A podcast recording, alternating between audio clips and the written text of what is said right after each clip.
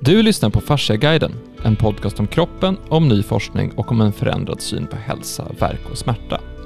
Jag heter Axel Bolin och är er programledare idag. Sitter här tillsammans med Camilla Ranje Nordin, Hans Bolin och Per Johansson. Hej! Hej.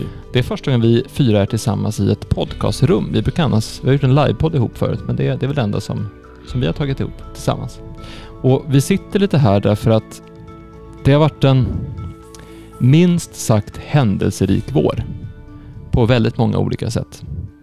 Eh, vi bestämde ju Per för att börja jobba ihop i vintras och sen har vi börjat göra det. Och Camilla, du har läst ännu mer forskning och du och jag Hans, vi har väl satt ännu mer saker i rörelse som vanligt. Så det har hänt väldigt mycket och eftersom att det här är det sista avsnittet vi spelar in innan semestertider och sådär, eh, så tänkte vi sammanfatta lite grann vad som har hänt under våren och vad, vad det här har inneburit. För det, det har varit...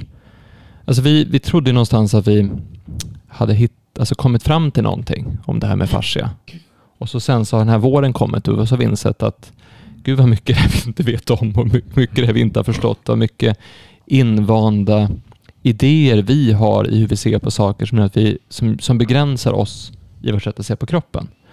Och då har vi ändå jobbat med att försöka se på kroppen på ett annat sätt varje dag i typ 12 år.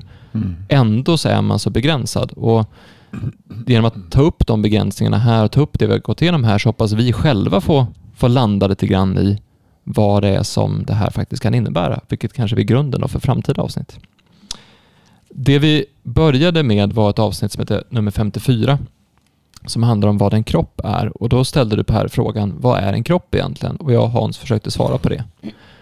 Och sen ledde det till avsnitt om sinnesorgan. Vi började prata om, om vad det är att känna, vad känsel faktiskt är för någonting. Vad behandling skulle kunna vara och så började vi komma in på vad en människa kan bli och vad en människa kan vara och på en människas potential. Vi pratade lite grann om vad man egentligen kan lära sig och träna upp. Alltså vad man kan, vad man kan känna och förstå som inte bara den här intellektuella kunskapen utan även kunskap som sitter i händerna eller som sitter i, i rörelsemönster eller sitter i erfarenhet.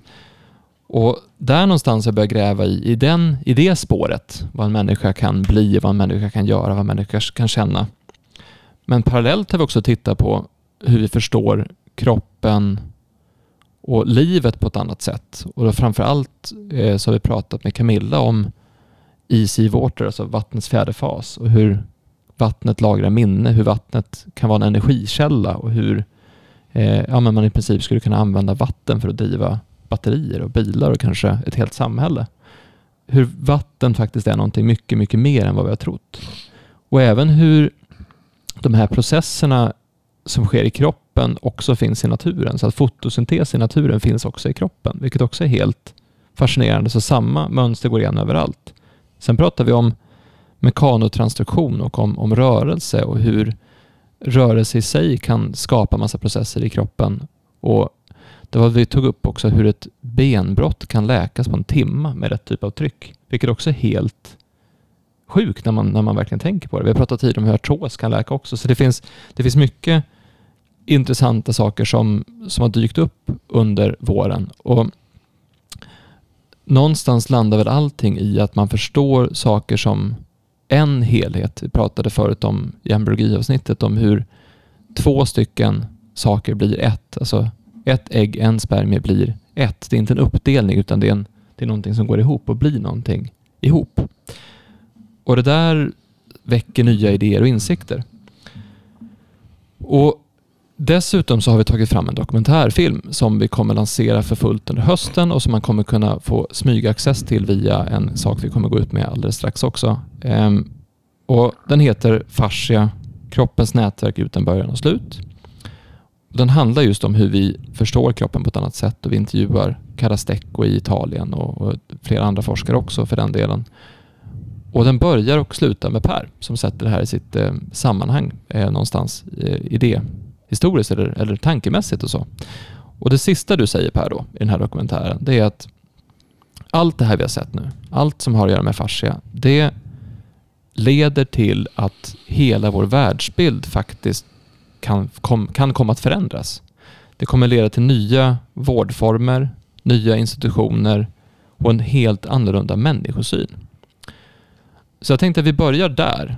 varför blir det här så otroligt annorlunda och vad kan hända om vi ser bortom de här begränsningarna som vi har i oss? Vad, vad, vad kan det här ta vägen någonstans? Och sen ser vi vart det hamnar. Det, blir det jag lämnar över på nu och sen ser vi vart det hamnar med själva avsnittet också. Det intressanta med fascia, ehm, så som det har kommit att klarna mer och mer, vad jag förstår, och även för mig, när jag har eh, hållit på att sätta mig in i det hela. Det intressanta med fascia är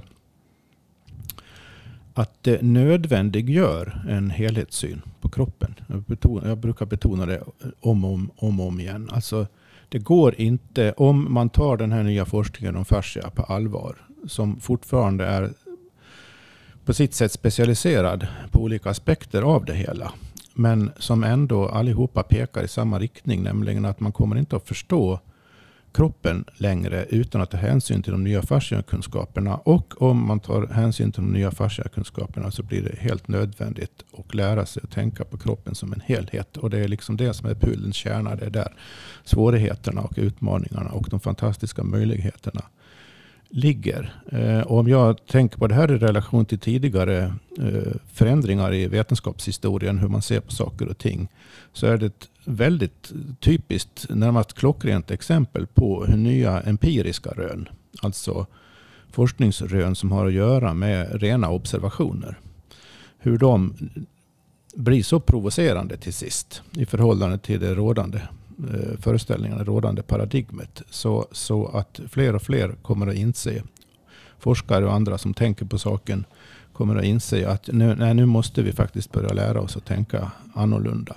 Så det, det, det är det som är den bakgrunden som är grunden till att jag vågar påstå sådana saker som att det här kommer verkligen att förändra världsbilden. Det här kommer att förändra synen på människan, synen på kroppen. Men det, hänger ju, det intressanta också är ju att det här har inte bara med fascia att göra. För att det finns en massa andra forskningsfält som pekar i samma riktning inom olika områden. Inom fysiken och kosmologi och så vidare. Inom, inom eh, ja, biologi av eh, annorlunda slag än man ofta stöter på i, i, i media. Massa olika forskningsinriktningar som var och en på sina premisser av, på, av sina anledningar. Också empiriskt. Eh, det har med vatten att göra, det har med elektromagnetism att göra. Inser att till att börja med bara några stycken forskare inser att ja, men, vi måste tänka om. Summan av allt det här, ja vad jag skulle säga apropå de andra forskningsfälten, de stöter på precis samma sak egentligen inom sina områden som eh, vad ska vi kalla det, kroppsforskningen gör i förhållande till, till fascia. Att det blir helt enkelt en, på empirisk grund nödvändigt att tänka annorlunda. Och eftersom som vi har pratat om i flera tidigare program, inte minst de första vi gjorde tillsammans, så är en viss syn på världen, på människan, på kroppen så starkt etablerad institutionellt, utbildningsmässigt, forskningsmässigt och så vidare. Eh, som bygger på att man delar upp saken i, i enskilda beståndsdelar som man sen försöker sätta ihop en förståelse av. Eh, den, det är så institutionaliserat så att det, det är svårt att få in nya idéer i det, de etablerade systemen. Och det där är egentligen historiskt sett en fullständigt normal situation. Så, så att på, på, ett plan finns det ingen anledning att vara arg på de som inte fattar. inte har fattat än. Utan eh, man får liksom ta lite saker lite grann för vad det är. Men det är klart att det blir frustrerande när man själv eh, har börjat inse att ja, men det, här går, det går ju inte att tänka så här längre. Du måste tänka annorlunda. Det är klart det är frustrerande. Så att det, är, väl, det är väl det som är roligt i de här programmen också. Som vi säkert kommer att göra lite grann idag också. Spekulera vidare lite grann här. Hur, hur eh, kan man få ihop de här mm. olika delarna egentligen? Det sista jag vill säga innan jag avslutar den här inledande kommentaren. Det är att eh, problemet här är egentligen inte eh, strikt vetenskapligt. Alltså svårigheten vi ställs inför, apropå det här med nödvändigheten av en helhetssyn, är inte en strikt vetenskapligt problem. Utan ett filosofiskt problem. Mm. Så så länge man inte har löst det filosofiska problemet och verkligen eh, filosofiskt etablerat ett annat perspektiv på saker och ting. Som är eh, strikt formulerat och kan göras kompatibelt med olika forskningsområden så kommer man inte att lösa de eh, vetenskapliga grundfrågorna heller. För att det är egentligen lite grann två sidor om samma sak. För filosofi uppfattat på rätt sätt. Filosofi har ju att göra med hur man egentligen ser på världen och människan. Mm. Och om bakom varje vetenskaplig teori, bakom varje vetenskaplig förståelse så finns alltid, och det gäller hela historien och det gäller nu och det gäller överallt, finns alltid en viss filosofi. Och det är den filosofin som så att säga grundar och legitimerar forskningen. Mm. Och det där är de flesta forskare eh, faktiskt inte alls medvetna om. De flesta forskare är väldigt filosofiskt omedvetna. Så att de, de, de bara köper det rådande grundantagandena. Filosofi har med grundantaganden att göra. Mm. De bara köper dem och går på det. Liksom.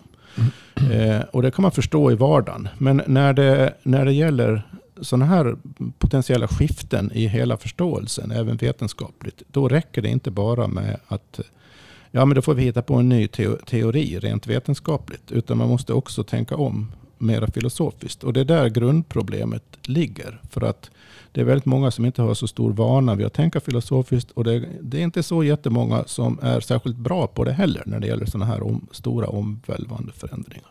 Mm. Så, så jag säger allt det här bara för att uh, man ska kanske ana lite grann av den faktiska svårigheten här. Så att man inte går och irriterar sig i onödan utan har lite förståelse för hur faktiskt uh, svårt det är när någonting sånt här händer. Som håller på att rubbar vår generella förståelse av saker och ting i världen, i samhället. En, en följdfråga bara innan jag släpper in dig Hans. Eh, du pratar om att det här är ju ett paradigmskifte, det, det kommer att ske en förändring här. Eller det, det, det är på väg åt det hållet. Definitivt. Och du har ju en bakgrund som idéhistoriker och läst mycket idéhistoria. Hur jämförelse med tidigare paradigmskiften historiskt sett, hur stort tror du att det här är?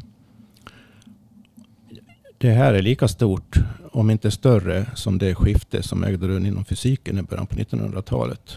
När man övergav den klassiska Newtonska fysiken, eller rättare sagt modifierade den kraftigt eh, till förmån för kvantmekanik och relativitetsteori. Det intressanta med det skiftet är att det inte är fullbordat än det heller. För Nej. att man har inom biologin i synnerhet ännu inte tagit till sig kvantmekaniken ordentligt. Så eh, det kan ta väldigt lång tid för sådana här skiften äga rum. Och, och vad som möjligen kan underlätta att det här nu pågående skiftet som jag ser som ännu radikalare egentligen än det där eh, i början på 1900-talet. Eh, det som kan underlätta är att det är på så många områden samtidigt. Både inom filosofin och vetenskap, inom samhället, hur samhället fungerar och hur samhället borde fungera. Det, det är så många områden samtidigt som utmanas här nu. Så att det finns en väldigt stor generell ökande medvetenhet skulle jag säga bland många människor att det är, no, det är något stort på gång i världen överhuvudtaget. Och, och det kan, om man tänker lite mer hoppfullt här nu, då, det kan faktiskt underlätta ett eh, lite snabbare paradigmskifte än vanligt. För att den rena nödvändigheten i att börja tänka annorlunda, inte bara inom synen på kroppen utan synen på samhället och allt möjligt. Den rena nödvändigheten i det eh, upplever väldigt många människor starkt idag. Och, och jag föreställer mig att det kan faktiskt påskynda det här paradigmskiftet. Vilket inte innebär att det kommer att bli oproblematiskt eller oblodigt om man säger så. Mm. Det, det som, när vi började med det här från början var ju jag kallar det för perspektiv, men det kanske är mer som du säger filosofi. Att det svåra, ja, filosofi handlar ju egentligen om perspektiv. Så det, det, det, handlar definitivt om perspektiv. Det svåra egentligen som vi såg, det är ju att perspektivet som vi försökte förstå från början, Axel, när vi var, på, när vi var i, i, i, i USA. Och vi började träffa de här fascia forskarna, det var ju att det, de tittar på det som helhet. Som jag tycker var intressant med osteopater, de sa att kroppen är, är eh, eh kropp, själ och ande. Alltså det är tre saker, det är helhet, det är allting på en gång. Och, och, det var det som jag tror att vi första när vi alla andra möten vi haft har vi haft samma typ av inledning. Vad är fascia? Vad innebär det för någonting? Det svåra var egentligen att få, att få med folk, alltså alla att se att det är ett annat perspektiv. Det är helhet. Det, det ser ut på ett annat sätt. Och det är precis som Vibeke säger, det är inte någonting som tar bort alla detaljkunskaper utan det ger förklaring på detaljkunskaper på ett annat sätt. Eh, och det hade hon ju jättesvårt för Vibeke Elbrun som är veterinärprofessor i Danmark. Hon hade ju svårt för det bland sina kollegor. Därför att hon vart inte uppmärksammad alls. Och jag tror att hon till och med mådde inte bra utav det. Det är jobbigt att springa emot och försöka klara på ett annat sätt. Um, när vi bara tittar på när vi börjar med, jag berättade det för innan när vi pratade om det här. Så, en av de första vi tittade på som jag gav dig tror jag, förutom The Elegant Junior, nej vad heter det? The Architecture of Life, det var ju, mm. det är James Orsman. Som egentligen pratade om, om, om det elektriska universum. Nej, det, nej vad heter det? Electric... Eh, energimedicin. Energimedicin, att allting är energi. Eh, och det är också ett annat perspektiv. Det svåra egentligen när man ser på allt det här det är ju att eh, det är så annorlunda tankemässigt än vad många andra saker är. Därför blir det tankemässigt svårt att till och med prata om det. Alltså, vad får det för konsekvenser? Innan, eh, jag, jag, ringde till, alltså, jag ringde till en kompis med, det var om, egentligen om, om, om vi håller på att störa eh, de naturliga strålningarna som finns på jorden, magnetfältet. Och, och, jag kunde för lite om, om hur insekter och fåglar navigerar. Så jag ringde till en kompis med som är professor på, på SLU och så frågade jag, använder vad, vad använder, använder insekter och fåglar magnetfält för navigation? Ja, det vet man om. Det gjorde, fick man Nobelpris 72 eller vad det var. Att, att bina använder det för, för att, att... Men hur funkar det? Det vet vi inte riktigt. Så att, att den, alltså hela jorden är ju ett fantastiskt ställe att vara på där mycket är inbyggt i, i jordens struktur. Och med, jag tror jag läste någon bok om, eller såg om hur lång tid det tar äh, för, för ehm, Eh, vi har ju väldigt lite sötvatten och, och det, det, tar flera hundra år att det går igenom. Det far under. Det smälter och så åker under eh, kallvattenströmmar i oceanen och så upp igen. Och det är en massa olika saker som händer med vatten som är ganska fascinerande. Det, det är som vårt vattnet är som jordens blodomlopp. Sötvatten. Och det är ett annat sätt att se på vatten, men det är ett annat perspektiv. Att se på hela kosmologin och på hur, hur, hur hela jorden fungerar. Eh, så att jag tror att det svåra egentligen med, med, med fascia-perspektiv eller perspektiv helhet, det är ju perspektiv helhet. Eh, och ehm, ja, det är jätteintressant. Ja, det enda anledningen att det är svårt är att vi har lärt oss eh, ett icke-helhetssätt att tänka på under ett antal generationer. Det är enda anledningen till att det är svårt. För att det är svårt att ändra sina grundantaganden om saker och ting helt enkelt. Ehm, så på, på ett rent tankemässigt filosofiskt plan, var problemet ligger där, är det väldigt lätt att se. Det är det praktiken i att faktiskt verkligen tänka om och göra saker annorlunda som är svårt. Men det är väl ett, ett konkret exempel på en annan ställe där det är så. Det är ju hur vi uppfattar tid. Vilket också är någonting som, vi har tagit upp det i någon film också, vad är tid egentligen och hur, hur funkar det här? Men, men just eh, Alltså vi lever på en planet som har en cykel och en tid. Alltså solen går upp, solen går ner. Mm. Eh, årstider kommer, saker växer upp, saker förmultnar. Alltså det finns ju en, ett, en, en tid på planeten, en planettid kan ja, man säga. Måncyklerna är också mm. väldigt centrala. Precis, så det, det händer liksom saker där. Eh, men, och sen så har vi kommit på att vi ska ha någonting som heter klocktid. Mm. Och klocktiden var ju, det har vi tagit upp också förut, att man tog fram till exempel en tid för hela Sverige istället för att anpassa tiden efter solen. Eh, man tog fram tidszoner, man tog fram eh, eh, minut, sekundvisare så att man verkligen skulle ha koll på. Det finns ju sådana här vad är det, decimalsekundsvisare också, liksom. det fick gå på en väldigt detaljerad nivå. Och så säger man någonstans att tiden är densamma för alla överallt hela tiden. Men alla människor har ju upplevt att tid är olika lång. Att en minut kan vara olika lång eller en timme kan vara olika lång beroende på vad man gör. Så att vi har ju en annan upplevelse av tid än den tid som vi säger att vi har. Så att klocktid och min tid som jag upplever är inte alltid samma sak. Alltså vissa lever sina liv fort och andra lever sina liv långsamt. Så tiden är mycket mer mystisk och varierande än vad vi, vad vi säger att den är. Och det här känner vi de flesta till. Samtidigt så är livet otroligt styrt av klocktid i vårt samhälle. Alltså det, det, där ser man hur det är svårt att tänka Eh, för de som är intresserade så tror jag Per Johansson och Erik Skylt gjorde ett jättelångt avsnitt på typ en och en halv timme och sånt där om tid. Och det är svårt att tänka sig tid på ett annat sätt. Alltså jag hade jättesvårt för, för, att lyssna på det och sen komma in i att kan tid vara någonting annat än den tid man har lärt sig? Bara kort lägga till där. Det, det, det här med klocktiden demonstrerar ju exakt vad jag menar när jag säger att en viss filosofi en viss idé är institutionaliserad. För att, eh, anledningen till att det är svårt att tänka på tid annorlunda det är att vi är så extremt indoktrinerade i att följa klocktid i allt vi gör hela dagarna. Och det är precis samma sak här när det gäller helhetssyn i förhållande till kroppen. Alla som sysslar professionellt med kroppen enligt nuvarande vetenskapligt paradigm, när man delar upp saker i delar och specialiteter mer och mer. Alla de är precis in, lika hyperstarkt indoktrinerade i sina tänkesätt utan att egentligen vara fullt medvetna om det.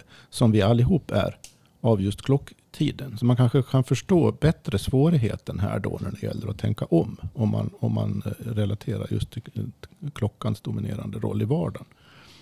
För den är lite mer konkret än en idé om att vi ska dela ja, upp saker. Men det andra men är, samma, lika... det är samma konkretion i båda fallen. Det är bara det att de flesta är inte så medvetna om, om hur konkret de här institutionella idébakgrunderna är som man kan bli i förhållande till klockan om man sätter sig ner och tänker på det i fem minuter.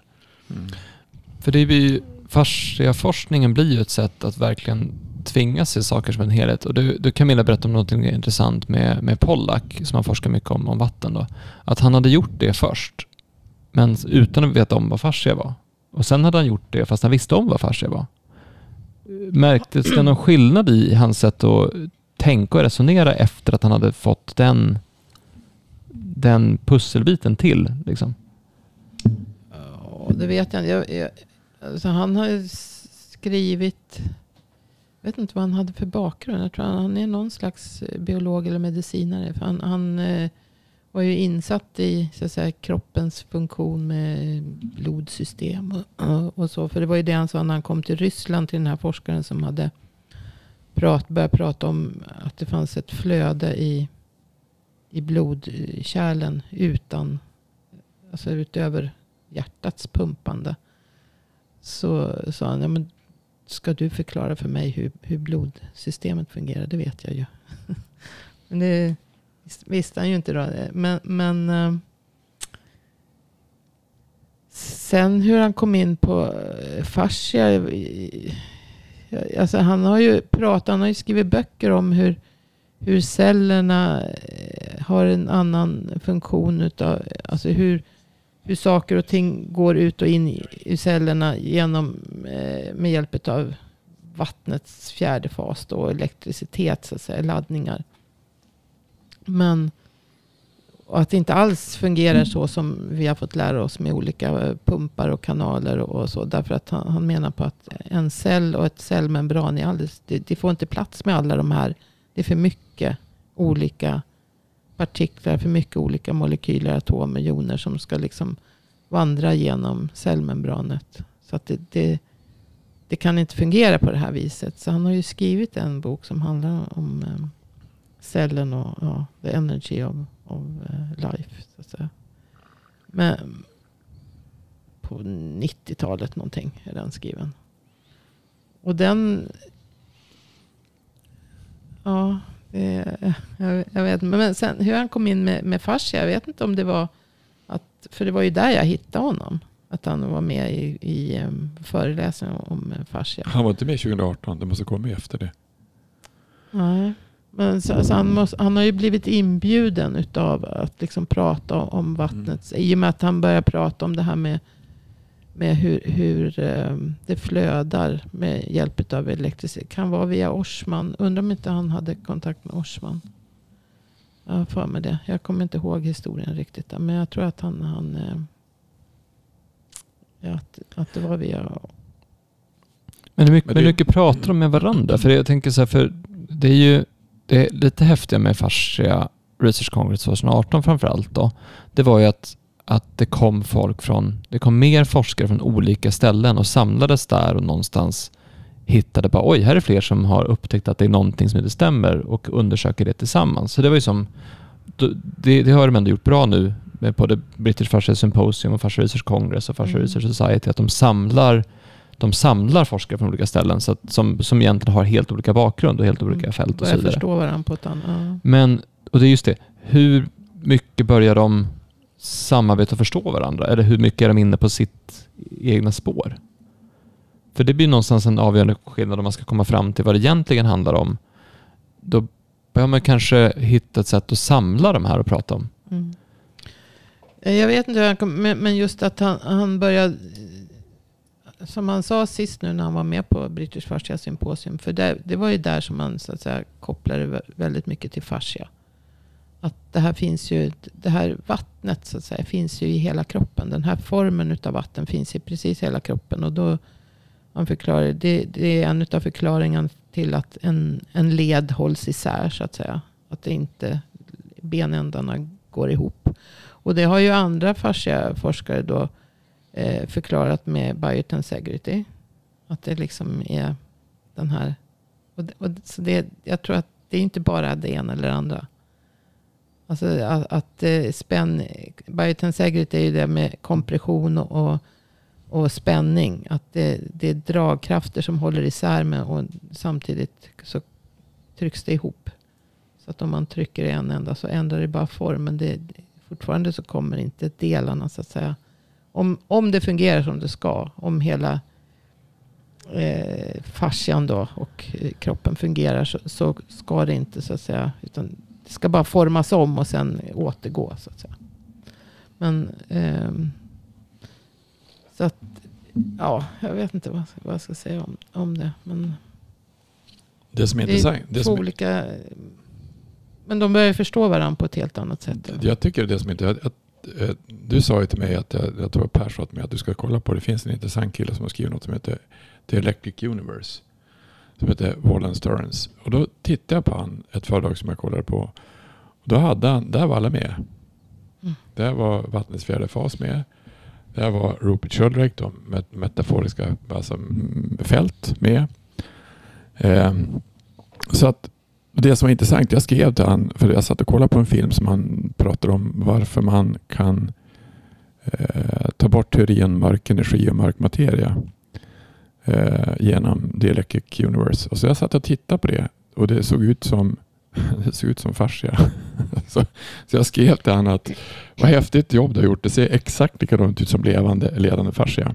Då- bara, du kanske ska tillägga då, grundtesen där i Electric Universe-teorin är ju att Eh, de olika galaxerna, stjärnhoparna, stjärnorna kommer till som så att säga förtätningar av plasma plasmatrådar som sträcker sig genom hela Ja, universum. Och den, den här nätverksstrukturen som de här plasmatrådarna då blir, så att säga. Ja. Den, den nätverksstrukturen ser på bild praktiskt taget identiskt ut som fascia. fasciastruktur. Eh, Stjärnorna är utslängda och, och hänger i, Hänger i trådar. fibrer. Ja. Ja, Det precis. ser Hänger i fibrer. Ja, det ser jättehäftigt ut. Och det i alla fall, så då svarar han, ja, det är ju otroligt intressant att det ser ut som biologiska levande saker som finns på, jorden. Ehm, men, men där möts ju alla. För det, om det ser, ja, då menar jag att, att nu ska vi inte gå in på det nu, men, men det Electric Universe, det är ju ehm, det är ju rätt intressant. För att då kan förklara Ja, många att, saker. att allting liksom har en spiralform och går i spiraler. Ja. Det är också en del av det hela. Ja, Ja. precis. Eh, nej, men det, är ju- det, det, är ju- det är ju sådana här idéer som, eh, om de vidareutvecklas och blir eh, ännu mer, eh, alltså blir riktigt strikt genomtänkta på alla håll och kanter. Det är sådana här idéer som kan ge upphov till den här nya filosofiska grunden för, Mm. för, bakom olika forskningsdiscipliner som de kan dela. Sen går varje disciplin i sin egen riktning inom sin disciplin. Men om man delar den här filosofiska grundsynen som det finns frön till här nu då, då, då, då genererar ju den i sig en massa eh, nya typer av forskningshypoteser som gör att man faktiskt börjar tänka i helhetstermer. Det finns ju en eh, Många har säkert hört talas om begreppet fraktaler Mm som eh, fraktala strukturer har ju den egenskapen då att de går igen på alla nivåer. Så att man har, saker och ting ser likadana ut oavsett om det är på en jättestor kosmologisk nivå eller på en mikroskopisk nivå så går samma strukturer igen. Och, och det här med att Electric Universe-teorin och fascia-strukturen att de eh, verkar tyda på att det är samma typer av nät, nätverken ser likadana ut. Det är ju bara en spekulation än så länge. Mm. Men det, det är ju en idé då som går i den här fraktala riktningen. Så, och, och ja. Ja, att fascian är fraktal, det, det vet man ju. ja, i stort det- sett allting verkar ju vara ja, det. Ja, det, det Så- mesta, så- all biologi. Ja, Ja, så att fröna till den här nya filosofin som behövs, de, de saknas ju inte. De finns ju. Det gäller ju bara Mm. att ta tag i det. Att fler och fler tar tag i det och relatera sin egen forskning till det. Men det som är intressant, jag berättade en, en, om det här, med, alltså det här med både fascia och så, eller The Electric Sky och så en kompis med. Han är, eh, och han tyckte, alltså det är intressant, hur, hur, hur kan det komma sig att du stöter på sånt där, så han. Han är, han, han har läst jägmästare, han är alltså, han kan lite grann om biologi och så. Ja, jag vet inte, så varför har inte du gjort det? Alltså, alltså, därför att, därför, det, det som var intressant med det, men det där låter lite som konspirationsteorier. Ja, det är, det är inte riktigt det. Så det är kanske något annat. Därför det visar sig att den här, den här eh, bakgrunden till eh, The Electric Universe, det är ju en norsk eh, forskare, alltså fysiker och en svensk forskare. Birkeland och ja. Hannes Alfvén. Och Hannes Alfvén, det, det är ingen... Alltså Nobelpristagare i fysik. Det är inga små, det är inga små tomtar som har gjort det, utan det är, alltså det är riktigt. Det är, det är, det är inget, det är inget hittepå. Utan det är faktiskt eh, basic men, fysik. Men vi kommer gå in på det sen, men det Birkeland gjorde egentligen var att han studerade norrsken. Och så sen hur, hur uppkommer de egentligen? Ja. Och så märkte han att det var en princip som gick igen på andra ställen också. Ja. Och så upptäckte han att den principen kanske stämmer på andra ställen också, ja. som har tagit det vidare. Så, så det kommer ju från att man ser någonting, studerar det och tänker, vänta, det här kanske funkar på ett annat ställe ja, också. Men allt det här, all, alla de här olika eh, all, annorlunda synsätten som det här med Electric Universe till exempel och fascia för den delen. Eh, det intressanta gemensamma nämnaren har, de har, det är ju att anledningen till att vissa forskare då har börjat tänka i helt andra banor. Det är ju empiriskt. Alltså mm. det är mm. observationer. Man har sett att det ser ut på ett visst sätt. Och därför har man insett att man behöver teoretisera ja, och det, går, det, det måste ju vara, alltså om jag ser att det är så här, då, jag, jag kan ju inte ose det. Och det är alltså, det som kanske många har svårt för att förstå. Att va, vanlig forskning, vardagsforskning numera så att säga, den går på andra hållet. Den, den utgår inte från observationer så direkt på det sättet. Utan mm. den utgår från teoretiska antaganden som styr vilka experiment man gör. Det är så det fungerar mm. forskningen i vardagen nu. Så det, och det är därför paradigmskifte blir besvärligt. För att man kan inte bara gå på rutin. Man måste verkligen tänka annorlunda. Och då försvåras det av alla möjliga skäl. Så man måste både vara öppen och nyfiken och ifrågasättande på samma gång. Ja, och modig i sitt sammanhang där man är. Det här är vi så svindlande, eh, tycker jag. Det är att vi pratar ju om kroppen. Det är där vi började. Ja. Ja, kroppen och fascia och så sen sådär. Men det intressanta med kroppen är att helt plötsligt börja prata om det ganska, går ganska fort att gå från kroppen till samhället. Mm. Alltså hur vi ser på kroppen, hur vi är i kroppen, till hur vi byggt upp samhället, utformat samhället, till hur vi ser på oss själva. Alltså den, hela den biten. Alltså hur, eh, vi pratar om kroppen och stöter på problem i hur vi har organiserat saker. Alltså hur vi jobbar ihop som människor. Så det är ena spåret. Mm. Så ett helt annat spår, det är att vi har tittat på kroppen och så börjar vi titta på hmm, kroppens puls, alltså kroppens eh, eh, tillstånd, den, den, den frekvensen som kroppen har när den är i, i läkande tillstånd. Det är exakt samma frekvens som jorden har när den är i läkande tillstånd. Mm. Vad intressant. Så kroppen har samma puls som jorden. Jaha. Och så sen så har vi det här med att fotosyntesen också finns i kroppen. Så det mm. finns en koppling här mellan, mellan kroppen och jorden, alltså kroppen och planeten. Vilket också är ganska spännande. Och så, sen tittar vi så här, eh, universum ser ut som fascia. Då blir det som så här bara, jaha, det finns alltså en koppling mellan jorden och kroppen och universum och samhället mm. ihop. Och där blir det ganska, där blir det ganska svindlande. För nästa sak i det här det är ju att, att nu har vi pratat om att allting ändå är samma. Alltså att eh, i en kropp så ser fascian ut på det här sättet. I en blomma så ser det ut på det här sättet. I, i universum ser det ut på det här sättet. Men det som vi tittade på Camilla förut var ju att, att i, alltså hur kollagentrådarna är strukturerade i hjärnan kan vara olika beroende på olika människor. Så att strukturen ser olika ut för olika människor. Mm. För det är någon som har tittat på just hur, hur vissa människor har ett selektivt hörande eller en, en problem att ta åt sig viss typ av information och lättare för att ta åt sig annan typ av information på grund av hur kollagenstrukturen i hjärnan faktiskt ser ut.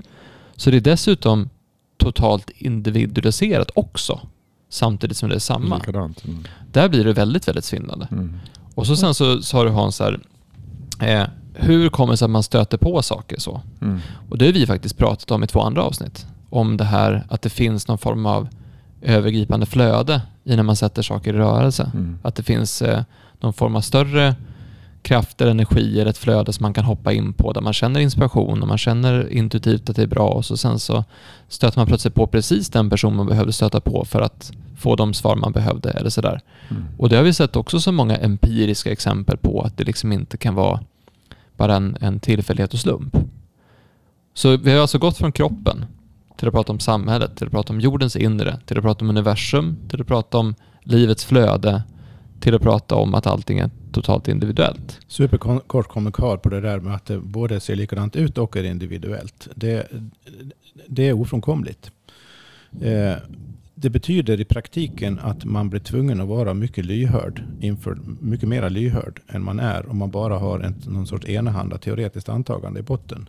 Man måste vara mycket mer lyhörd för vad man faktiskt har inför sig i det konkreta fallet. Samtidigt som man har en viss generell förståelse för vissa typer av strukturer går igen kan man se. Så att eh, man är inte utlämnad åt den totala individualiteten utan man har en viss generell förståelse. Men sen måste man i varje enskilt fall, om man har med människor att göra i synnerhet såklart, relatera det till individens speciella situation och historia.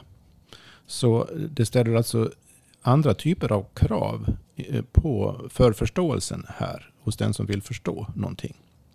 Att man både har en, en generell teoretisk filosofisk förståelse och att man är som människa lyhörd och eh, känslig för den aktuella situationen och relationen man befinner sig i. Mm. Och, och det, det betyder att man behöver odla andra sidor av sig själv än bara tankeförmågan här. Mm. För att förstå, även vetenskapligt. Det var ju det intressant, det klipp du skickade inför det här som, jag vet inte om alla anser det, men jag såg det i alla fall, om the divided brain. Mm. Den blir väldigt spännande där. För då, var det, då visar de i alla fall på att, att man tror att höger och hjärn, vänster hjärnhalva är skilda åt och att höger och vänster hjärnhalva, en är, eh, vänster är rationell och höger är kreativ. Mm. Och sådär. Det är någon sån gammal myt som man har trott på. Den har inte heller stämt på väldigt många år. Men då visade istället den här presentationen, det kan, vi kan länka den i avsnittet Mm. nedan, hur just vänster hjärnhalva är jättebra på att fokusera på någonting som är tydligt definierat och bestämt medan höger hjärnhalva tar in allting Allt. annat runt omkring samtidigt. Så att, då tog man exemplet är som en fågel. För fåglar har också samma uppdelning av hjärnan som vi har. Då var det att, att om fågeln ska liksom, det är en massa grus och så ska fågeln hitta mat mellan gruset här. Så. Mm. Då är det vänster hjärnhalva som pickar. Mm. Medan höger hjärnhalva håller koll på Finns det någon katt? Hur, vad är det som låter? Eh, vad händer runt omkring? Hur är vinden? Hur är vädret? Mm. Vad, vad, vad händer där borta? Så att den har som en 360 eh, view på ett annat Mm. sätt och känner av saker som Samtidigt finns som där. den har en specifik Ja. inriktning på Samtidigt, fröna som ska Mm. pickas. Det där, den ritfilmen bygger på en hyperintressant bok av en man som heter Ian McGilchrist som heter Mm. The Master and the Emissary. Så en tjock bok som handlar om detta som är en av de mest läsvärda böcker som finns. ha- eh, Kan jag säga. Ja. Eh, och det är ytterst relevant i förhållande till det jag sa nyss. För att å ena sidan behöver man kunna specia- vara specialiserad och fokuserad och tänka rationellt. Men å andra sidan behöver man också samtidigt kunna ha en helhetssyn och en intuition för sammanhang och så Mm. vidare. Och det är den samtidigheten som vår kultur gör våld på genom att ensidigt pre- premiera den här specialiseringen och det, det, det rationella fokus. Så att det är inte så att man ska, inte ska vara rationell eller inte specialiserad utan det måste kompletteras av, av, av, en, av en helhetssyn och en in, in, intuitiv varseblivning samtidigt. Och vår kultur premierar inte den samtidigheten. Det är liksom kontentan i McGilchrists bok Mm. också. Eh, Jag har en fråga till Pernilla. Nej, Camilla menar jag. Eh, nämligen det här, eh, apropå de olika specialiserade ingångarna till i fasciaforskningen. Eh, hur, hur långt har man kommit i att e-, enas om någon sorts samsyn? Vilka tecken finns det på en samsyn mellan olika specialiteter inom fasciaforskningen? De verkar ju ha blivit mer enade. Eh, alltså om man säger jämfört med när ni var Mm. 2015 och till 2018 och nu, är, nu ännu mer. Eh, För förut så, man bara ser det här med TIS och Stecco Mm. hade, förstod ju inte alls varann. eh, Vad det verkar först då. Alltså Mm. TIS Vad var det deras själv. respektive specialiteter? Ja, alltså? TIS var ju inne på flödet och, och Stecco är ju väldigt fokuserad på de olika fascia skikten. Och, och det, alltså hon pratar ju om olika fascior. Just det. Och det är väl inte, alltså jag kan inte säga att det är rätt eller fel. Det ser ut så. Vad, Nej, men vad- är, det inte, vad är jag? är det inte detta just olika perspektiv? Jo, Jo. Men, jo men precis. Men hon, vad hon menar är ju att, att hon menar ju inte att det, är, att det är separerat. Utan att det bara är olika skikt, olika funktioner. Som jag säger, beroende på vad just den kroppsdelen har för funktion. Så blir det en, en specifik eh, sammansättning av fascian. att saker att det är mer kollagen och lite mer elastin och lite mindre hyaluronsyra eller flytande substans just Mm. på ett ställe. Och att fibrerna ligger i, i olika eh, riktning och strukturer så att säga, beroende på vad just den kroppsdelen utför för och utsätts för för belastning eh, och krafter så att säga.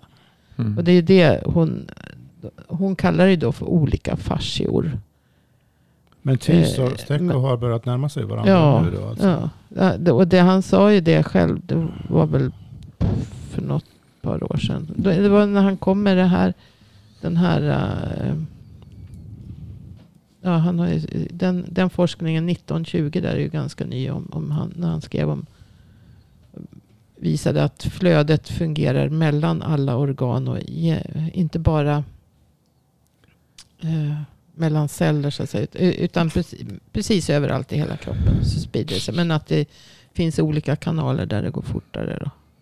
Men, men och han är ju mer eh, eh, han pratar ju väldigt mycket om, om, om flöde och energier på ett annat sätt. Han är väl mer filosofiskt lagd. så. Är det dit hän det går, tror du? Att det är just Ja, flödesenergisynen som Ja. kommer att Och- förena de olika? eh, Stecco och hennes grupp, de pratar ju om flöde men mycket hyaluronsyra och, och, och just hyaluronsyra man kan, som glidmedel så att Mhm. säga, mellan de olika fasciorna. Eh, hon pratar ju inte på det viset om Ja, man kan ju inte hålla på med allt. Nej, nej, nej. Det, är- Men- visst, men- men, det, är- det är eh, just det att det, är ju den här kombinationen av att vara, vara oerhört kunnig inom ett mer begränsat fält.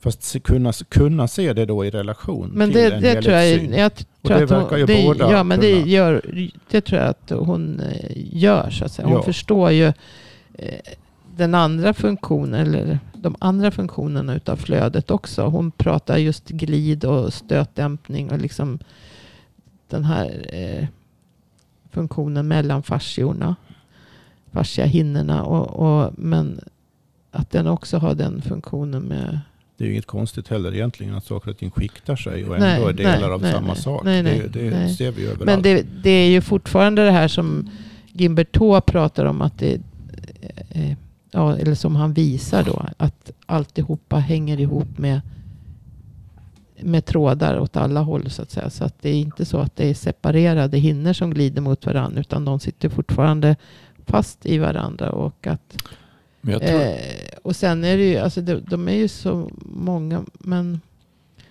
ja, det är ju Ingber och Levin och, och, och de här som pratar mycket men jag tror att det är som, mekanotransduktion och de, den biten. Det, det är ju liksom en annan... en annan del. Men jag, Ja. tror att, jag tror att det som är intressant med det här det är ju ett intressant perspektiv det var att när du, eh, det var, alltså Fascialistic Society, de här forskarna är ju specialister i sina områden. De är ju faktiskt uppdelade i precis som du har sagt hur det ser ut. Mm. Ehm, och det blir ju ett, det blir ju svårt. De, de tar, har ju varsitt de- litet område men jag tror Men att det de... som är intressant som, som var, det är, ju, det är ju när vi ska göra den här fascia-filmen så skrev du till Karla Stecco och Axel och så skrev du till Gimbertot. Och vad fick du för svar av Karla Stecco? Så vi, vi, vi skulle göra dokumentären och så sen så kommer produktionsbolaget då som gör den. De sa att vi vill åka till Italien och intervjua Stecco. Jag tänkte Herregud, ska, ja, hur ska det gå? De, det kommer att vara värt det. Mm. Så, så jag tycker vi gör det. Kolla med henne. Jag tänkte så här, Stecco, jag har aldrig skrivit till Karla Stecco. Hon är, liksom, hon är forskare så, här, så. Skriver till henne och säger så här. Ja, men det är ju ni. Vad kul. Det, det, det ni gör är jätteviktigt. Jag ställer jättegärna upp. Jag kan de här och de här datumen. Eh, Det är bara att komma förbi. Och sen när de kom förbi, det var så här, hon, hon bokade av hela sin dag. Bara här, kom! Och så sen så kom och filma här i världens äldsta eh, anatomiföreläsningssal. Här kan ni se när jag dissekerar en hjärna. Här kan ni bla bla bla. Alltså det, hon var verkligen så här bara, här, kom och gå, berätta öppet och hit och dit. Så att de har så mycket material om det där så att de kan göra en egen film bara om, bara om henne och den Mm. grejen, vilket de säkert ska göra också. Men eh, det intressanta var det hon sa att, att det är ert jobb är jätteviktigt. för Hon har ju följt Farsaguiden Mm. på engelska då. Eh, Och sett reportagen gjort från Farsa Research Congress och så vidare. För att det är det som för ut det här till folket, så att folk känner till det. Mm. För- Hon är ju medveten om att hon har svårt att prata med Gemene man. gemene man. för, för svårt. Eh, och sen behöver hon undertexter, men det är en annan sak för det är väldigt, väldigt italienska engelska. Nej, men, nej, men, det, det finns ju en begränsning i det också. Eh, och sen när jag mejlade till Kimberto, eh, då det är så intressant att han har en förmåga att vara dryg även när han är hjälpsam, vilket är väldigt häftigt. För då, mejlade jag och sa "Ja, vi ska göra en dokumentär, jag skulle vilja ha är det möjligt att köpa material från Strolling Under the Skin så vi kan filma liksom levande bindväv? Mm. Då sa han så här Why limit yourself to using this uh, old material when I have this uh, video bank of all these things that you can use instead? Bla, bla, bla. Och det, som sagt, det är, han, det är en konst att vara, att vara dryg och hjälpsam samtidigt. Han, han är det. Han är ju också fransman. Eh, den riktigt stereotypiska fransman. Ehm, Hon är italienare. Hon är italienare. Men hon har perfekt engelska, det som är så häftigt. Perfekt engelska med italiensk... Uttal. Men det är det här som jag tycker blir en häftig synergi. För att om du tar, vi var inne på det tror jag lite grann i ett avsnitt om vi pratar om hur det är att hjälpa människor. Eh, Men i Sverige så har man ju titlar och titlarna är väldigt specialiserade. Men internationellt sett så är du filosofie doktor inom ett ämne. Då kan du läsa saker om allting och uttala dig med saker om allting. Mm. Alltså man, du är PhD eller så är du MD Mm. eller så är du någonting sånt. Och det går liksom... Det är som att ja, då, har du, då har du klarat... Eh, du, du, är stämplad som godkänd i att kunna forska. Mm. Sen om du är PhD i teologi och börjar diskutera kroppar, det gör ingenting. Det, det där är så intressant för att det gör ju att du får folk som är mer, mer multi-orienterade. Som, alltså Neil Thies, han är ju leverpatolog, men han har ju någonstans börjat bli farsiga person. Och sen, som du sa det här med, med vatten, han har ju ett filosofiskt intresse. Han har ju liksom gjort massa avancerade utläggningar om, om eh, hur kroppen är självorganiserande. Han, det är han som pratar om det här med myrstackar som jag tagit upp tidigare och sådär. Och han har börjat titta på universum och sen saker också. Prata med, med Ingber och Ingber har börjat prata om energi och grejer. Så att vissa av de här som ändå har en forskartitel inom ett område, de öppnar upp för att se saker på ett annat sätt. Just för att där blir inte specialiseringen en begränsning, där blir det en möjlighet. Men kör inte TIS också teologi? Han, Jo, han kör allt det är möjligt. Allt, allt möjligt. Och det, och det gör det. ju det intressant, för det gör att man kan ta in... För det, det var ju som eh, ett av de absolut första avsnitten som ni gjorde Per, handlade om Newton. Och Newton är ju också, var ju också multi... Man tror att han var fysiker eller matematiker. Nej, nej, han var ju allt möjligt. Han var ju eh, tidig kemist och han var ju... Eh, vet Teolog tror jag. Ja, han var allt möjligt hist- liksom. Historiker. Mm. Och det är ju kanske där man behöver vara idag för att kunna börja pussla ihop det här. För det är, vi måste ju... Eh, någonstans så... Vi, det ser så mycket saker empiriskt att vi måste börja koppla ihop saker på ett annat sätt. Mm. Men vad händer? Hur lätt blir det att koppla ihop saker om alla är så fruktansvärt specialiserade så att man bara, förstår sin grej? Mm. Om då liksom det kommer en fasciaforskare som bara säger jag har upptäckt det här och så det enda de står och pratar om är att jag har upptäckt det här, jag har upptäckt det här, jag har upptäckt det här. Då är man ju så exalterad över sin egen upptäckt att man kanske glömmer bort att prata om prata med andra om deras upptäckter. Jag satt ju eh, i, i, alltså i, när vi började med det här, skulle prata om det med eh, ja, hur allting skulle kunna sitta ihop. Så från början när jag satt och letade efter saker och ting så försökte jag ju hitta frekvenser. Alltså litteratur om frekvenser. Och jag, jag hittade allt möjligt konstigt för jag la det på sådana ställen i biblioteket så jag skulle kunna ta upp det någon gång. Och idag, eh, precis innan ni kom, så hade jag, så att jag tror jag visade det både, både dig och Camilla upp här om, om eh, en svensk forskare som heter Björn Nordenström. Björn Nordenström och, och han, han höll på mycket med elektricitet, alltså frekvenser i kroppen. Och hans teori var egentligen, ja, han, ingen, han, är, han var ehm, jätte, vad sa de? Han Han var, var radiolog va? han var radiolog, men alltså framgångsrik. extremt framgångsrik. Ordförande i Nobelkommittén. Ja. och han, han i alla fall tog fram ett sätt alltså med att hela kroppen var elektrisk. Mm. Och det var elektriska impulser som gick igenom. Men han var med in på blodomloppet men även vävnad, sa han. Och när han skulle göra den där, presentera det, för att han hade ett, ett, ett annat sätt att bota cancer genom att skicka ström genom eh, eh, vävnaden, alltså genom tumören för att döda den, ändra struktur på den eller frekvens på den. Och han var ju djupt kritisk. Alltså han, de hängde ut han, eller de tyckte att han skulle vara Ja, han var ju lite speciell. Men han, han var ju så otroligt renommerad så att de kunde som inte riktigt avvisa honom heller. Eh, och eh, det han gjorde egentligen istället för att göra en, eh, en, en visa forskning så gjorde han precis som du Per, man måste göra, man måste hitta, man beskriver andra perspektiv. Så han gjorde en bok på 375 sidor som tog fyra år att, göra och så gav han ut den istället. Som egentligen förklarar hur det här fungerar enligt hans sätt att se på det.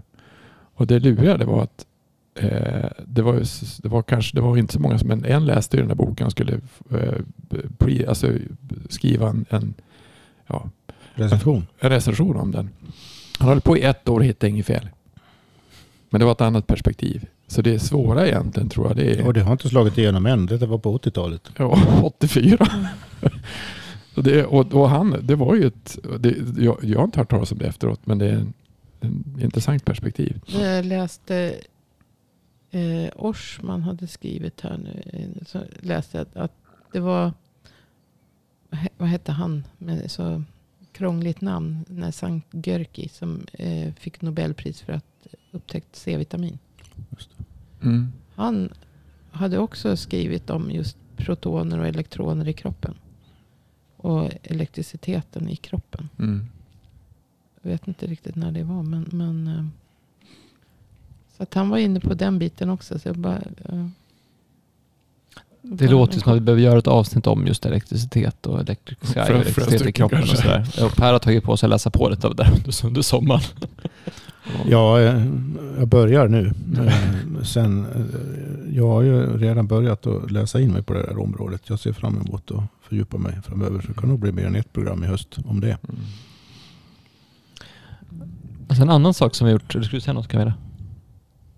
Nej, jag bara tänkte på det här vi pratade om förut med, med Stecco och TIS och, och eh, Orsman och alla. Att, att eh, när jag lyssnar på alla de här symposierna och så, så upplever jag ju, jag vet inte hur det var förut, men det var ju ni som, när ni var 15 då, att det var sån, eh, sådana motsättningar mellan de olika. Men jag bara upplever att de är väldigt så att säga, öppna, ödmjuka och, och nyfikna gentemot varandra. Så att, så att det, men I- tror du inte den- det beror på just på när det gäller fasciaforskningen då? Att det, eh, som, som jag har sagt, Alltså, att, att de blir liksom ja. tvungna Ja, att och, därför- tänka i andra banor. För annars kommer de och- inte att förstå det ens inom sin specialitet. nej, och det är ju den här Jaap van der Waal som jag eh, också har nämnt ibland. Som är holländare tror jag och som har skrivit mycket om embryologi.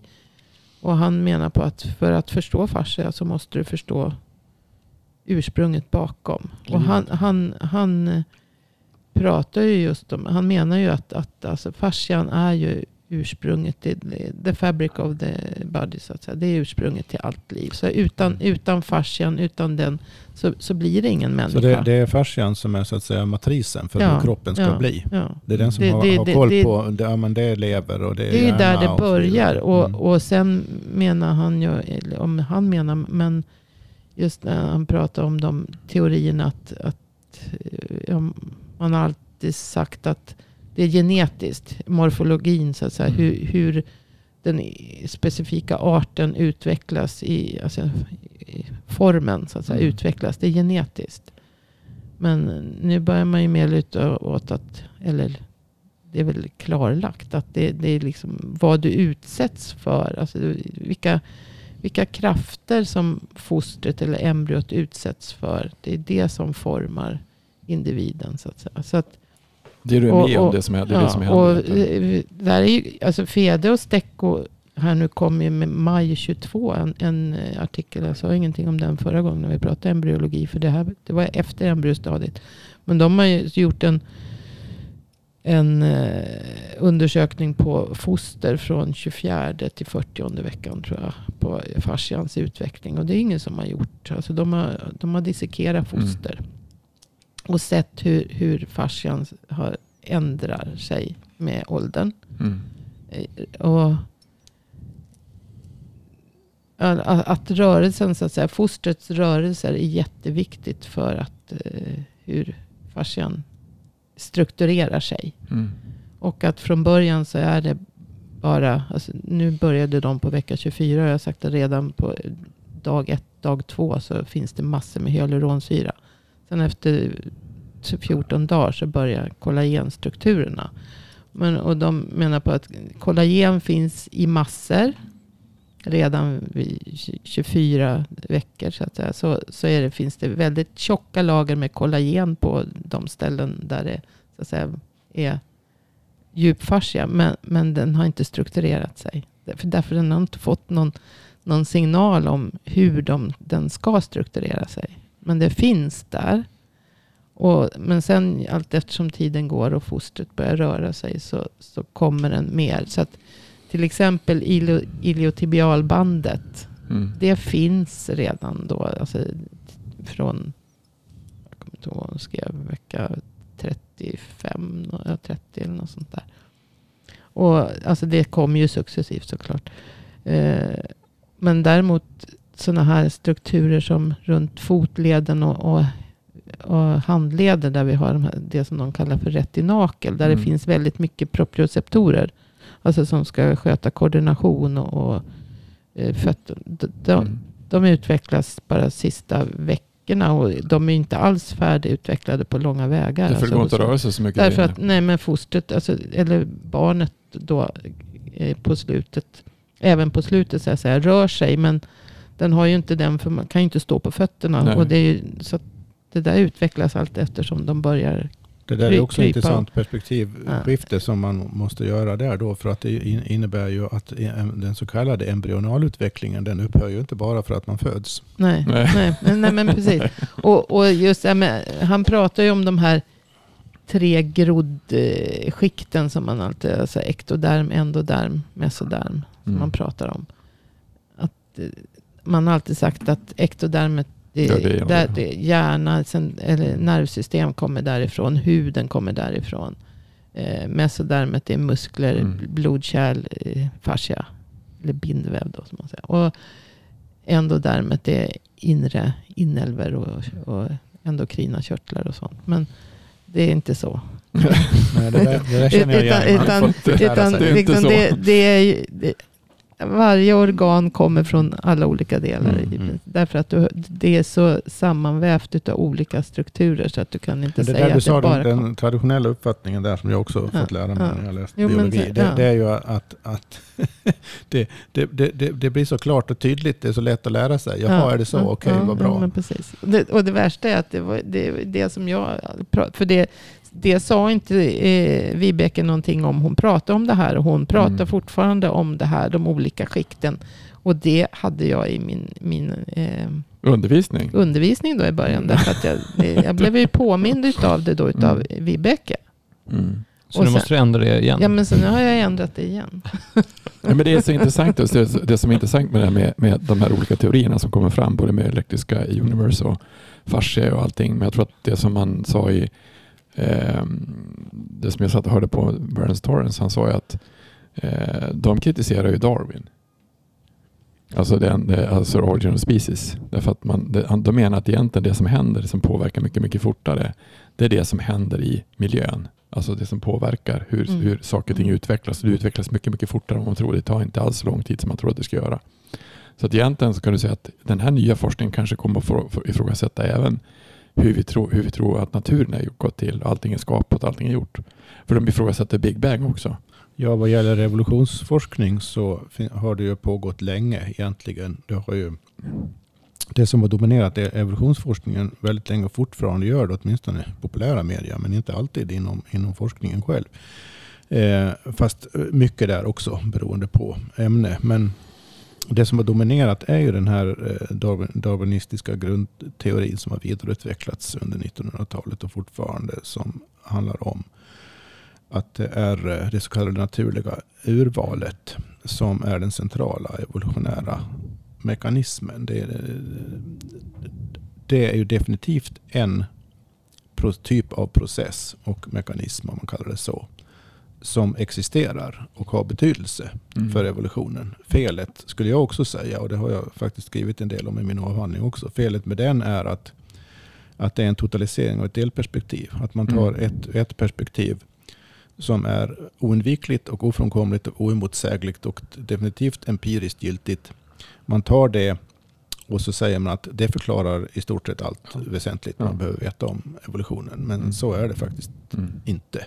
Så där, där, kommer, eh, där kan man förvänta sig också eh, rejäla paradigmskiften framöver. Och det, det är på gång. Och de Mm. går också faktiskt i samma riktning som annat vi har pratat om Mm. här då. Så den som tror att den här nydarwinistiska selfish gene, Richard Dawkins perspektivet på, på naturen eh, är giltigt. Den får, kommer Tänk att bli om. tvungen att tänka Mm. om ordentligt. Mm. Men det var ju jättestort. Han har ju varit jättekänd. Alltså, jätte, Ja, men det alltså, där är vid det här laget ren propaganda, ingenting annat. Mm. Det har ingen vetenskaplighet i sig längre, det där, tyvärr. Mm. Men det har varit en ganska bra övergång till Eller rättare sagt, det har bara en begränsad vetenskaplighet Ja. i sig. För att det är inte så att uh, selfish gene-teorin i sig eh, är, är helt fel. Det är bara det att det är ett delperspektiv. Just ett Mm, delperspektiv. Exakt. Men det är det som jag tror att man mycket gör. Att, som vi sa till att det, det tycker jag när vi gör det här embryologiavsnittet. Att, att vi, vi, har, mm, vi har lätt att fastna i det här att dela upp det. Alltså otroligt lätt att göra. Det är ju fruktansvärt svårt att se det som helhet. Och på samma sätt är det ju med, med man tittar på, som vi har tagit upp många avsnitt, alltså hur påverkar ehm, om vi tar bara med, alltså tar med att, att hur påverkar det oss som individer att ständigt vara rädda? Som du sa, att, som du sa Per, att man är mer rädd i fantasin än i verkligheten. Mm. Och, och hur påverkar det ehm, alltså alla möjliga? Alltså hur påverkar det samhället, miljön?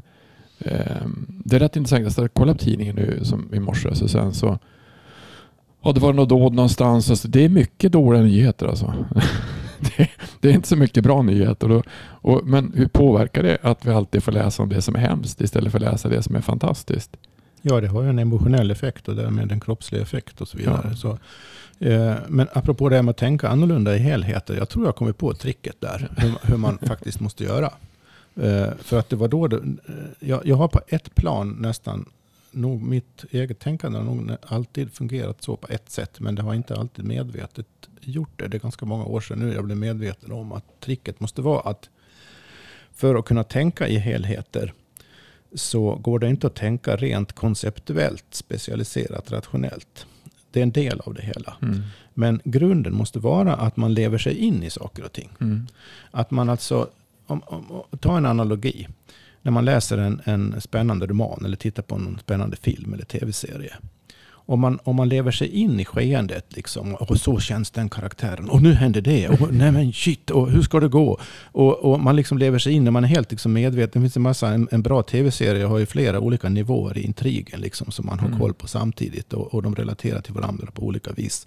Och om man inte lever sig in i det, så är det omöjligt att hänga med. Mm. Om, man, om man försöker bara liksom rationellt förstå hur, hur förhåller sig det här kausalt till det, det ena och det andra, då, då, då tappar man ju tråden för att ha hunnit hända 50-11 grejer, Mm. Massa grejer innan man har tänkt färdigt. Så man måste liksom leva sig in i, i ske, skeendet. Eh, om man tar analogin, eller mera direkt i förhållande till sin egen kropp då, för att förstå sin egen kropp, så är det ju egentligen inte konstigt, konstigare än att man noterar vad som händer i kroppen. Mm. För det händer ju i kroppen hela, tid, hela tiden. Nu känner jag till exempel att jag, jag har bra flöde. Jag är varm ända ut i eh, fingerspetsarna och jag, jag känner mig uppåt eh, och så vidare. Och, och, och, och, och, och det där kan ju ändras rätt vad det är. Mm. Och, och det- pågår hela saker hela tiden. Och det, det är ju just det, den inre känslan man har, inlevelsen i, i vad som pågår i en själv. Det är ju det som, det som man måste ha som grunden för att verkligen förstå Mm. det här med flödena. Mm. För att flödena kan man ju känna. Mm. Och om man har den erfarenhetsbakgrunden, känslan, om man har det i bakhuvudet när man försöker förstå även intellektuellt, ja, men hur funkar det där med flöden egentligen? Då är man liksom på rätt, Mm. rätt spår. Så att man, man kan inte förstå den här nya paradigmet som krävs. Man kan inte förstå det utan en levande dynamisk inlevelse. Man måste se på allting som en film snarare än som någonting man läser i en bok eller ser på en ritning.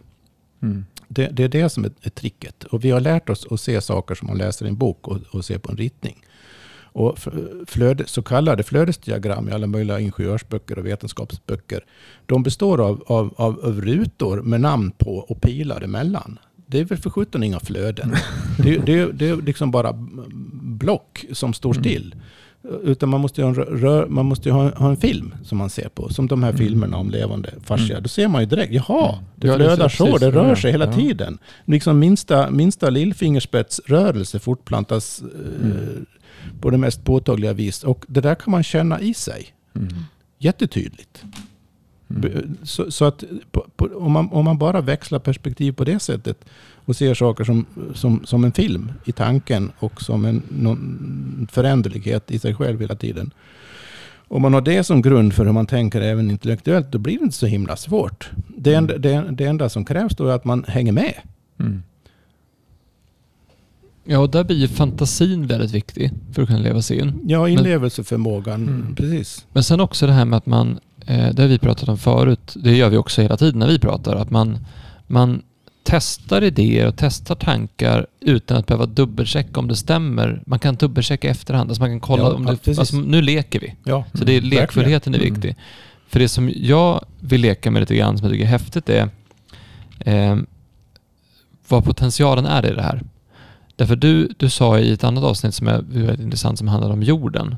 Då, då sa du Per att Det eh, var i Myten och Mysteriet. precis. då, du, ja. Mm. det finns en idé vi har om vår bakgrund som säger att för att man till exempel ska kunna föda hela befolkningen, då måste odling ske på det här sättet.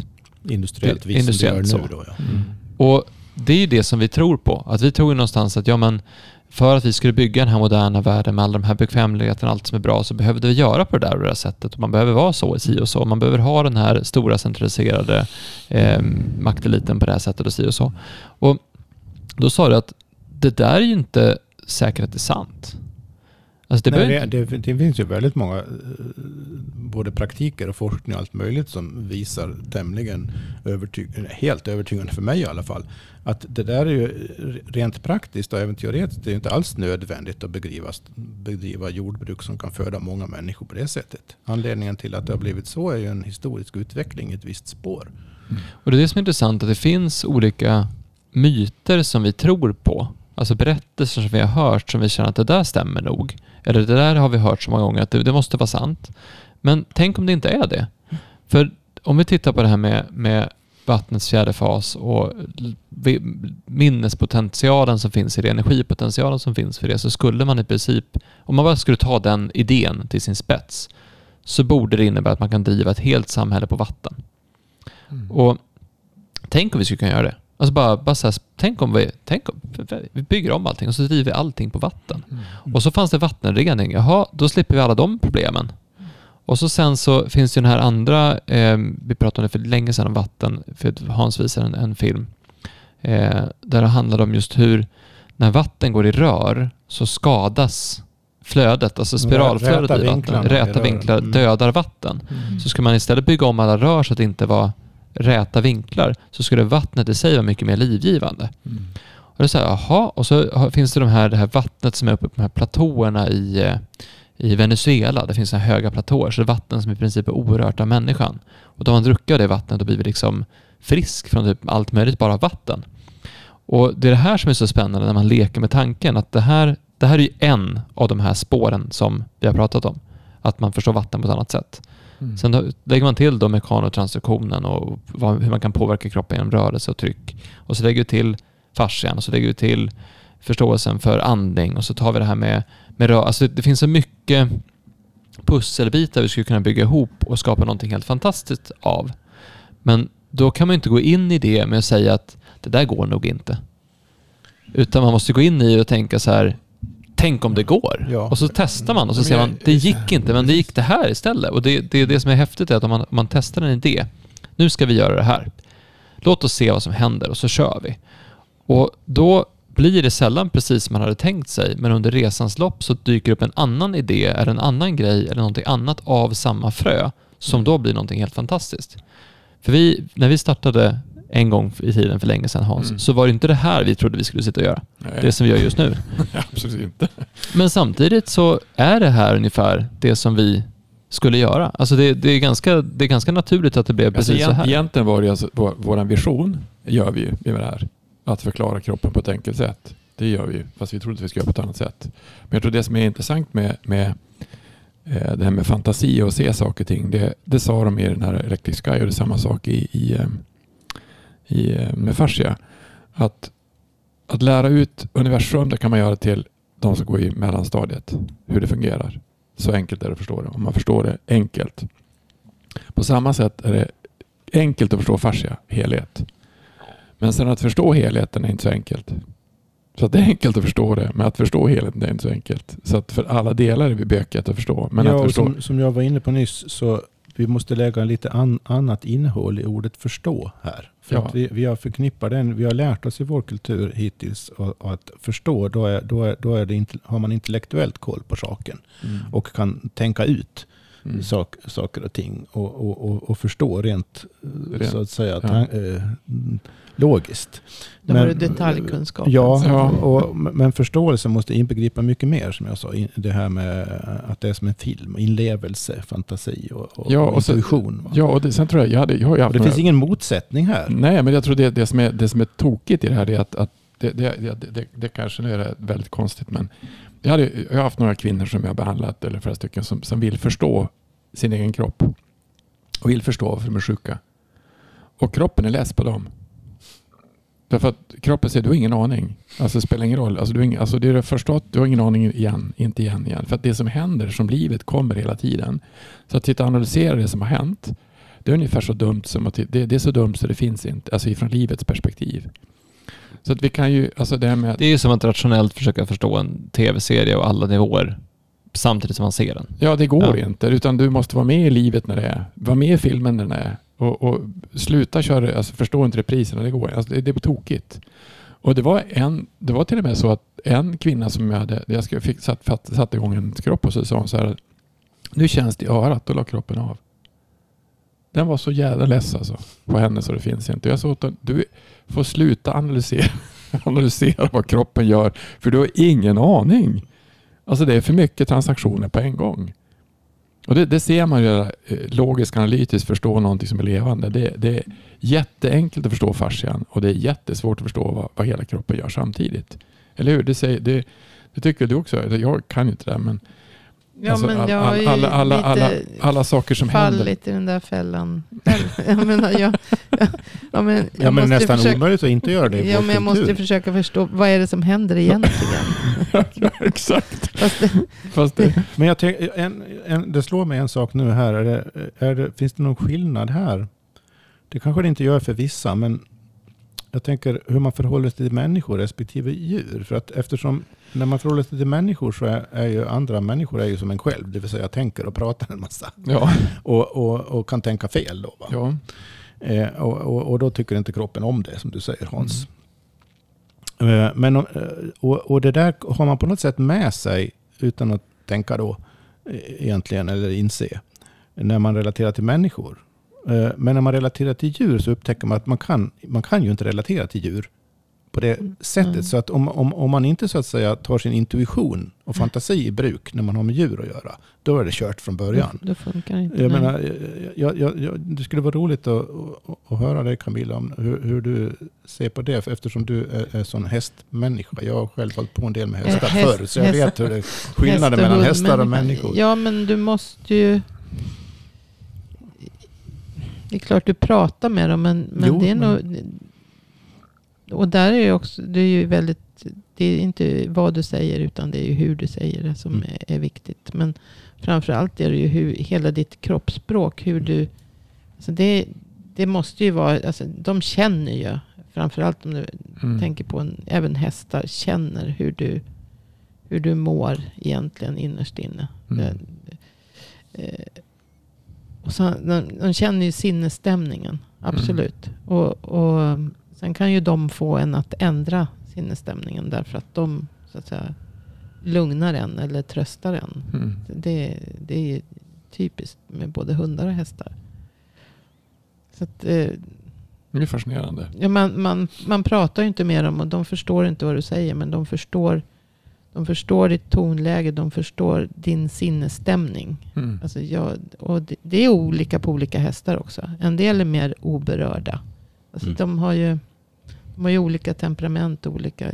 Jag har, ju, Mm. har ju en hemma till exempel som Han är hur förtroendefull, han är bara två år, men han är hur förtroendefull som helst och skulle följa dig precis vad du gör. Men det minsta lilla jag spänner till eller höjer rösten eller jag tror, han, han, jag tror inte ens jag behöver höja rösten. Han, han känner bara att jag liksom blir förbannad för att han, om jag skulle bli förbannad för Mm. att han, han gör fel, Mm.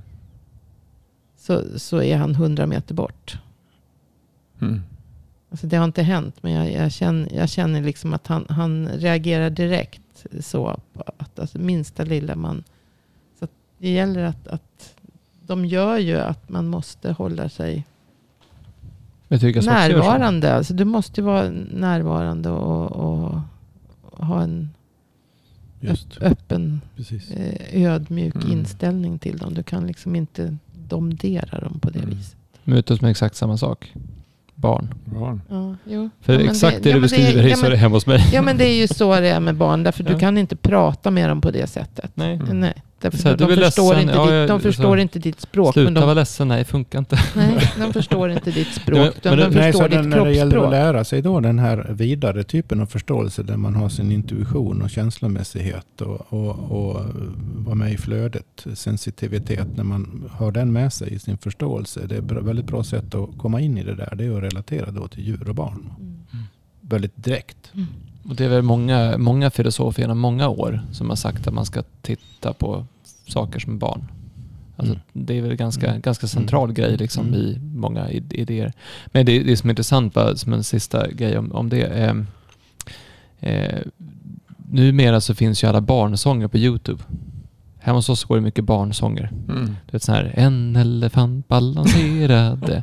det roliga är ju att de som då gör det här, alltså de Mm. som har det som yrke att vara barnsångare, Mm. eller tänk så här barnprogramledare. Mm.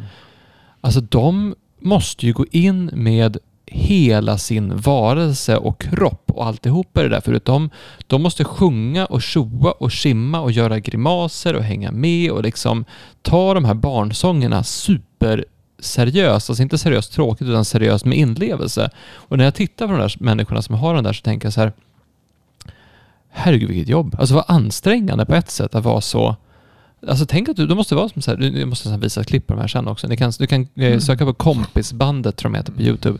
Alltså du, du har de kläder på sig som är färgglada och de liksom tjoar och simmar och så sen så en elefant balanserade. Kom nu Mats, nu är det din tur att vara med. Så kommer Mats in och så här, två elefanter balanserade. Det, det, det är verkligen den här, och så måste ju vara med barn. Du måste ju verkligen vara hela, alltså du måste röra kroppen, du måste le med hela ansiktet, du måste uttrycka alla känslor fullt ut. Och det är samma sak med djur. Alltså, eh, hundar blir ju inte, de är mycket ro, roligare, eller tycker det är mycket roligare när du är med. Mm. Du kan inte göra någonting, alltså två saker samtidigt, utan du måste ju vara där med hela dig själv. Mm.